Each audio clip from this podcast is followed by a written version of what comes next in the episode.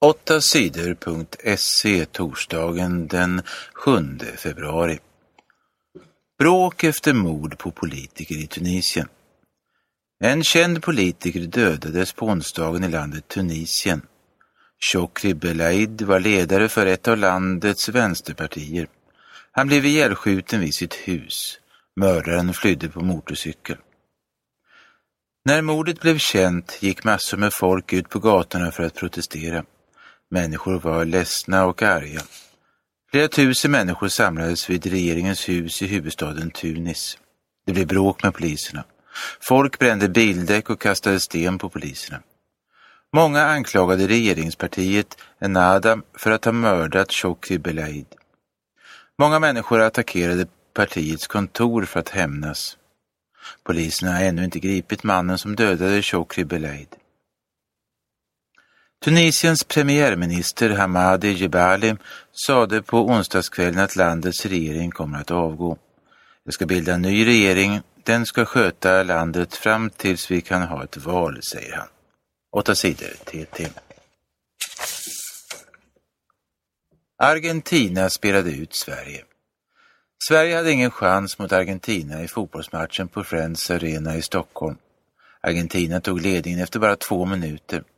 När Anders Svensson slarvade med bollen gick Argentina snabbt till anfall och gjorde 1-0.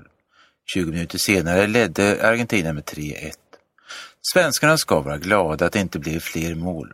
Det svenska försvaret spelade dåligt. Gång på gång kunde Leo Messi spela fram sina lagkamrater. Andreas Isaksson i målet gjorde flera bra räddningar. Argentina spelade snabbt och hade bollen större delen av matchen. Sverige försökte anfalla och lyckades skapa en del chanser. Jonas Olsson gjorde mål på en snygg nick. Men när Zlatan Ibrahimovic byttes ut i halvtid blev de svenska anfallen ganska ofarliga. Matchen slutade 3-2. Rasmus Elm gjorde mål på en frispark i matchens sista minut. Den 22 mars spelar Sverige mot Irland i VM-kvalet. Vargjakten stoppas tillfälligt. För några dagar sedan började årets vargjakt. 16 vargar skulle skjutas. Det hade Naturvårdsverket bestämt. Men många protesterade mot jakten. Flera miljögrupper vill stoppa den. De tycker att det finns för få vargar i Sverige. Rovdjursföreningen, Naturskyddsföreningen och Världsnaturfonden har gått till en domstol och klagat på jakten. De tycker att jakten bryter mot EUs regler.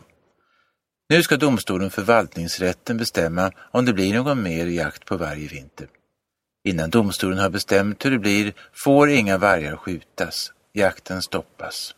8 sidor TT. Sverige är långt från medaljerna i VM.